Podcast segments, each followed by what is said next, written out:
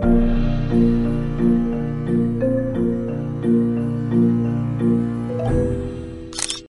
Hát azt hiszem, így születtem. Tehát amikor egész kicsi koromban a főjátékom az az volt, hogy körbeültettem a babákat, meg a macikat, és órákat tartottam nekik. Tehát soha nem tudtam mást elképzelni. Semmi más nem jutott az eszembe, mindig tanár akartam lenni, úgyhogy ezt igazán nem tudom megindokolni, hogy honnan, meg miért, ez ilyen vagyok. A leges legfontosabb az az, hogy próbáljam megértetni a kollégáimmal, hogy nem szabad félni, és mellén kellene állni, és egyesült erővel tiltakozni az ellen, ami történik. Mert hogyha ezt ma Magyarországon meg lehet csinálni szó nélkül, hogy egyik napról a másikra is ilyen módon elküldünk nyolc darab pedagógust, ez már második kör, ugye, mert a kölcseis tanárokat már korábban elküldték hasonló módszerekkel, akkor bármit meg lehet, és bárki sorra kerülhet. Ősi Judit francia tanárt 13 év után azért bocsátották el öt kollégájával együtt a budapesti Karinti Frigyes gimnáziumból, mert polgári engedetlenségben vett részt tiltakozásul a pedagógusok helyzete és a közoktatás állapota ellen. A kölcseis tanárok után ez a második elbocsátási hullám, amelyben most összesen 8 tanárt rúgtak ki hasonló okokból. Ősi Judit azt mondja, nem volt más út, mint a tiltakozás, és nem bánta meg azt, amit tett. Bízik abban, hogy egyszer tanárként folytathatja, mert ez a hivatás az élete. Én Fazekas Pálma vagyok, ez pedig a Selfie, a Szabad Európa podcastja, amelynek vendége Ősi Judit francia tanár. Most már eltelt egy pár nap a sok óta, hogy telt ez az elmúlt pár nap? Ez most nagyon mozgalmas volt ez az utolsó időszak. Igazából azt hiszem, hogy föl se fogtam igazán, hogy mi történik, és ez egy, mindig azt szoktam mondani, hogy ez egy olyan szituáció, mint amikor meghal valaki, egy ilyen gyász folyamat, hogy addig, amíg az ember elintézi a legfontosabb teendőket, addig nem tudja igazán felfogni, hogy mi történt. Ma Mik voltam, a legfontosabb teendők most?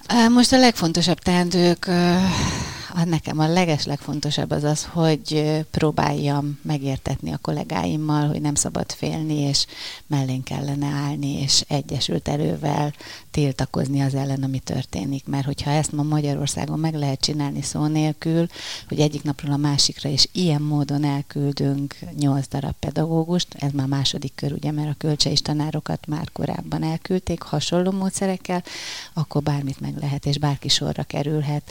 Az egyik kolléganő kolléganőm fogalmazott úgy, hogy olyasmi történt velünk, mint hogyha egy hajléktalant bezárnának a börtönbe csendháborításért, mert az utcán fekszik.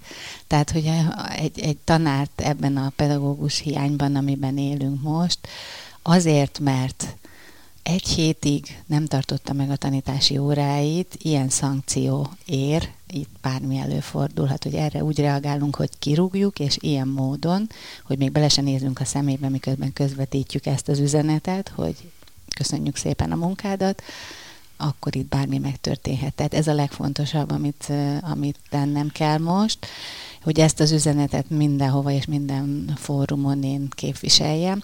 A következő meg gondoskodjak arról, hogy, hogy, megy, hogy menjen tovább az élet, hogy valami folytatás után nézzek. Ez egy nagyon radikális változás az életében. Hogy hatott ez a családjára?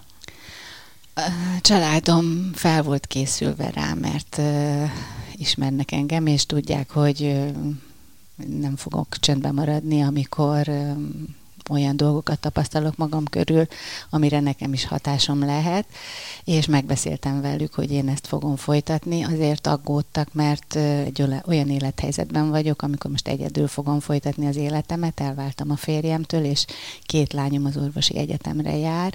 Ez egy hosszú folyamat, és viszonylag költséges, és ezért meg voltak ijedve, hogy most akkor anya mi lesz és mondtam, hogy biztos, hogy lesz valami, biztos, hogy fogunk megoldást találni, biztos, hogy fogunk segítséget, segítséget kapni, és az első gondolatom, amikor ez megtörtént, akkor annyi volt, amit édesanyámnak mondtam, hogy jaj, anya, csak nehogy az legyen a tapasztalatom, hogy innentől kezdve csak magamra kell gondolni, mert hogy nem jön be ez, amit most csinálok, és hál' Istennek nem ez lett. Na de hát nem csak magára gondol, hiszen most is az iskolában tartja a lelket a többiekben.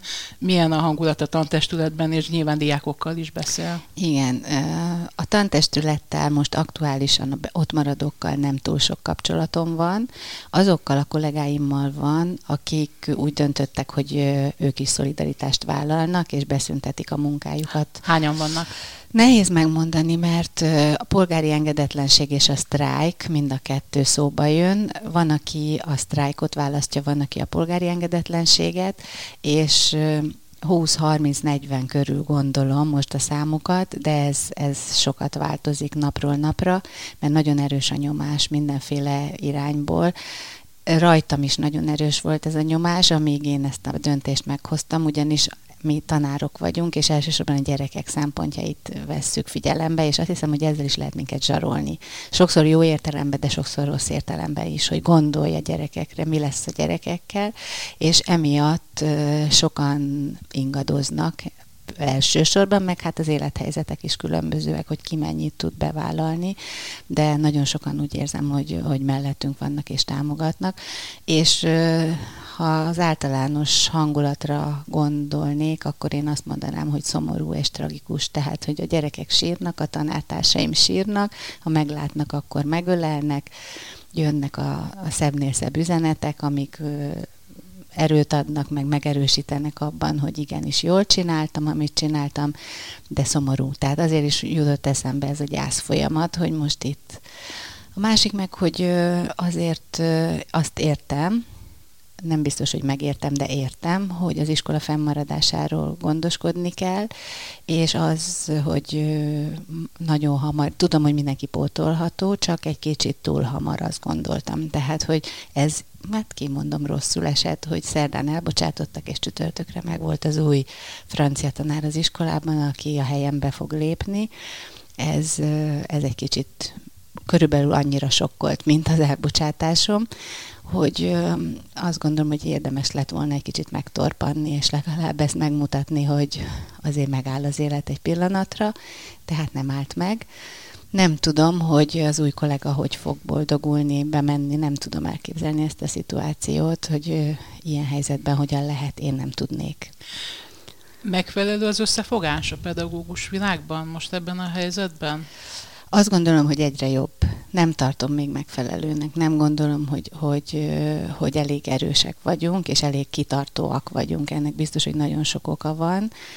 Az elsősorban a félelem, ami a legveszélyesebb érzelem szerintem és olyan dolgoktól félünk, ami nem biztos, hogy be fog következni. Tehát, hogy kitalálunk történeteket, hogy ha ezt csinálom, akkor biztos ez lesz, meg ha azt csinálom, akkor biztos az lesz. Meg hát vannak azért reális, egzisztenciális félelmek, meg mindenféle megtorlásoktól való félelmek, és az a módszer, ahogy, ahogy bánnak velünk, azok erősítik ezeket a félelmeket, mert hogy tényleg kiszámíthatatlan. Tehát én sem tudom megindokolni, hogy miért pont most, miért pont én, és miért pont az, aki még a sorra került. Tehát ez, ezt is azt gondolom, hogy kicsit tudatos, nem is kicsit, nagyon tudatos lehet, hogy ezt a kiszámíthatatlanságot felhasználják félelemkeltésre, hogy te azt gondolhatod, hogy te leszel a következő. Érzelmileg és anyagilag is fogva vannak. Van végzős osztálya? Van, igen. Vannak érettségi előtt álló gyerekeim, meg a két tanítási nyelvű tagozaton is tanítok, én az IB tagozaton is, és ott pedig a, megindulnak lassan az érettségi vizsgák. Az érettségi folyamat bonyolultabb, mint a magyar rendszerben. Például a szóbeli vizsgákra február végén sort kell keríteni, amire még nem készültünk föl teljesen. Voltak olyan hírek, hogy a szülők akár saját zsebből is finanszírozzák az érettségire való felkészítést, csak hogy ne szakadjon meg ez a tanulási folyamat. Ebben történt-e valami? A szülők egyeztettek az intézmény vezető úrral, hogy ő ebben partner lenne, akár valamilyen termet biztosítani, akár valami más lehetőséget, illetve megkerestek minket is.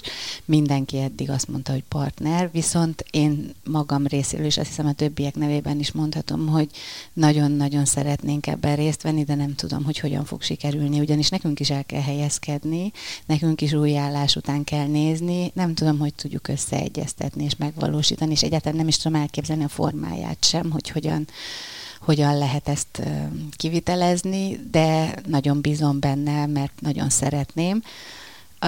Nem csak ők, hanem például az AKG igazgatója is jelentkezett, és fölajánlotta a segítségét, például a termeket ajánlott fel nekünk, ha meg tudjuk szervezni. A jövő héten várható erről egyeztetés, hogy hogy hogyan lehetséges. 2009 óta tanított, ha jól tudom, a Budapesti Karinti Frigyes Gimnáziumban végig franciát, ahogy írják a Facebook oldalon az egyetlen tanár, aki csak franciát tanított. Hogy jött a francia, és hogy jött a pedagógus pálya? Hát kezdem akkor a pedagógus pályával, mert az a régebbi. Hát azt hiszem így születtem. Tehát amikor egész kicsi koromban a főjátékom az az volt, hogy körbeültettem a babákat meg a macikat, és órákat tartottam nekik. Tehát soha nem tudtam mást elképzelni ilyen a vad elképzeléseim is voltak esetleg, hogy stewardess, talán ez volt még, ami egy-két évig, de aztán nagyon, tehát semmi más nem jutott az eszembe, mindig tanár akartam lenni, úgyhogy ezt igazán nem tudom megindokolni, hogy honnan, meg miért, ez ilyen vagyok. A francia pedig úgy, hogy ez pedig egy véletlen folytán, én a Csepeli Eglikányos gimnáziumba végeztem a középiskolai tanulmányaimat, és angolt szerettem volna tanítani, és a felvételi alkalmával után jött az értesítés, hogy francia tagozatra vettek föl. Hát sóhajtottam egyet, nem baj, picit szomorú voltam, de ott kezdődtem el franciául tanulni, és nagyon jó tanárom volt rögtön csere kapcsolatokkal kijutottam Franciaországba, és nagyon megtetszett a francia kultúra, és bevallom őszintén, hogy utána, amint tudtam, hogy tanár leszek, én mindig ilyen humán vonalat képzeltem el magamnak, a törit nagyon-nagyon szerettem, apukámmal nagyon sokat foglalkoztunk ezzel, és a másik a magyar lett volna, de azt bevallom, hogy lustának éreztem magam erre a két szakra, és gondoltam mellé inkább egy nyelvet, és akkor hát akkor legyen a francia, és akkor így a francia, és akkor elkerültem Szegedre tanárképző főiskolára, tehát nem egyetemre először, hanem tanárképző főiskolára, és ott pedig megnyertem egy francia állami ösztöndíjat, amivel ki tudtam menni egy évig Franciaországba tanulni, és ez azt hiszem megpecsételte a további életemet, mert ott bizonyossá vált, hogy én ezt szeretném csinálni, és akkor hazajöttem, és onnan innen folytattam, és a töri szakot is egy kicsit tanítottam, de azt nem is nagyon volt lehetőségem, mert ott főiskolai diplomám van. Általános iskoláskorú gyerekeket tudnék tanítani, és amikor egy nyolcosztályos gimnáziumban tanítottam, ott volt pár évig egy, egy olyan csoportom, akit tudtam ezzel a szakkal is, akiket tudtam erre, erre a szakra is tanítani. Hány évet tanít?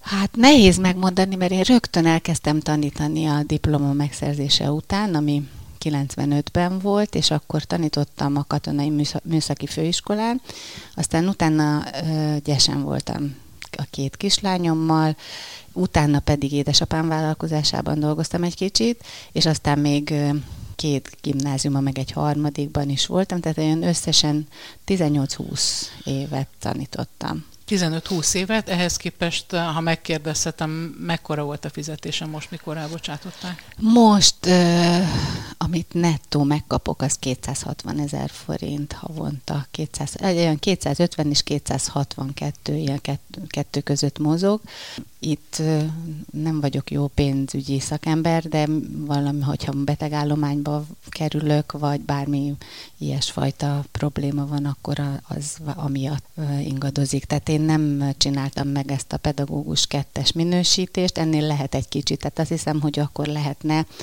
290 ezer forintot is keresni, de én ezt nem voltam hajlandó. A választások előtt a Szabad Európa csinált egy olyan sorozatot, amiben megpróbálta feltérképezni a legfontosabb területeket, ami egy társadalom szempontjából nagyon fontos lehet szerintünk. Így a szociális biztonság, az egészségügy és természetesen az oktatás is. Ott elég sok szakértővel beszéltek a kollégáim, Kerényi György írt ebből egy nagy elemző anyagot, és hát mindenki azt mutatta, hogy tulajdonképpen az elmúlt 12 évben, tehát 2010 óta vizsgáltuk ezt a területet, drámai romlást hozott mindenféle intézkedés, és nagyon sok intézkedés volt tulajdonképpen olyan fokú átalakítás talán 45 után történt a magyar közoktatásban, mint amit a Fidesz az elmúlt 12 évben végzett.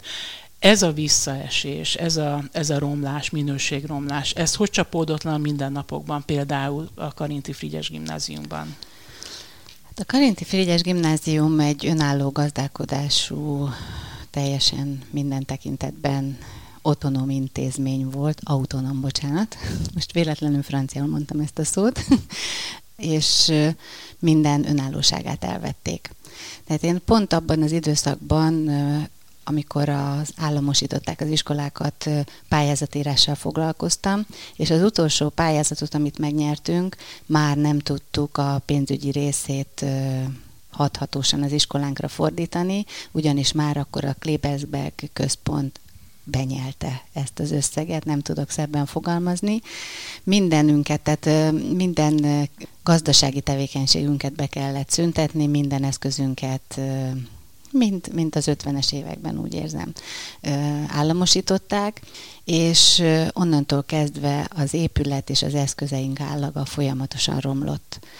Tehát most, a, ha ezt a részét nézem, akkor most ott tartunk, ami azt hiszem, hogy olaj volt a tűzre, hogy belefogjunk a, a tiltakozásba, hogy nem csak szellemileg romlott a rendszer, hanem infrastruktúrálisan minden tekintetben, tehát hogy beázik, penészes, méltatlan ahhoz, hogy, hogy bármiféle szellemi munka folyjon benne, és veszélyes. Tehát az, hogy a víztócsákban lavírozva megyünk a mosdóba, és megcsúszunk a lépcsőkön, mert vizesek, az még a kisebbik probléma, pedig az is jelentős, de az, hogy én félek, hogy melyik konnektorba fogja bedugni a gyerek a mobiltelefonja töltőjét, mikor fog áramütés érni, mert ugyan le vannak ragasztva a bezár, vagy a beázott konnektorok, de a gyerekek azért gyerekek, hogyha kicsit följön a raktapasz róla, vagy a nem tudom, hogy hívják ezt a szalagot, amivel szigetelőszalag, szigetelőszalag akkor ő azt gondolja, hogy ja, hát akkor ez biztos már jó, és beledugja a telefonját. Tehát, hogy, hogy egyszerűen elképesztőnek találtam ezeket az állapotokat is, a többi társammal együtt is.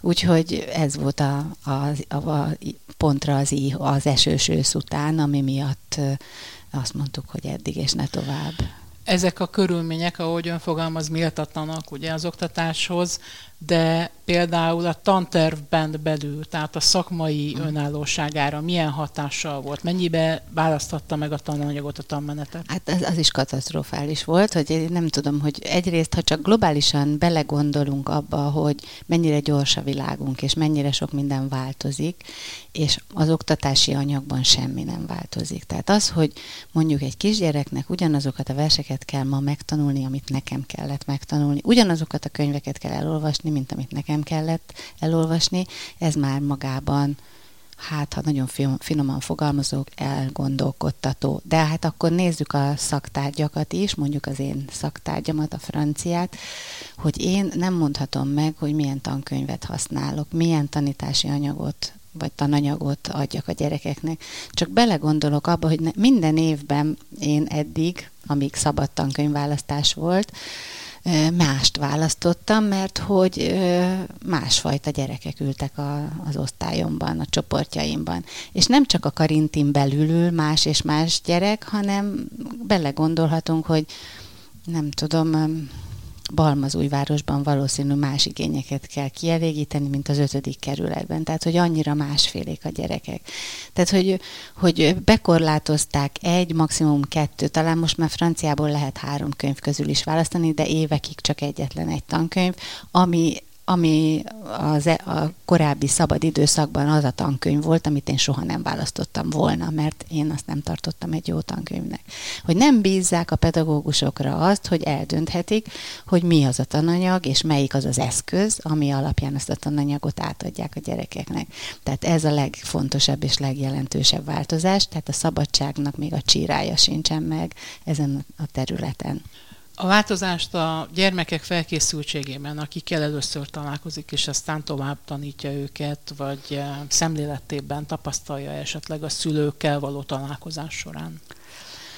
Azt gondolom, hogy itt azért kevésbé jelentős ez a dolog, azért mert nem szeretem ezt a kifejezést, de hát én se tudok sokkal jobbat, ez egy elit gimnázium. Tehát nagyon-nagyon okos gyerekek, nagyon-nagyon jó képességű tanulók jelentkeznek ide, válogatott csapat. Nehéz bekerülni? És nagyon szigorú. nehéz bekerülni, nagyon nagy a túljelentkezés.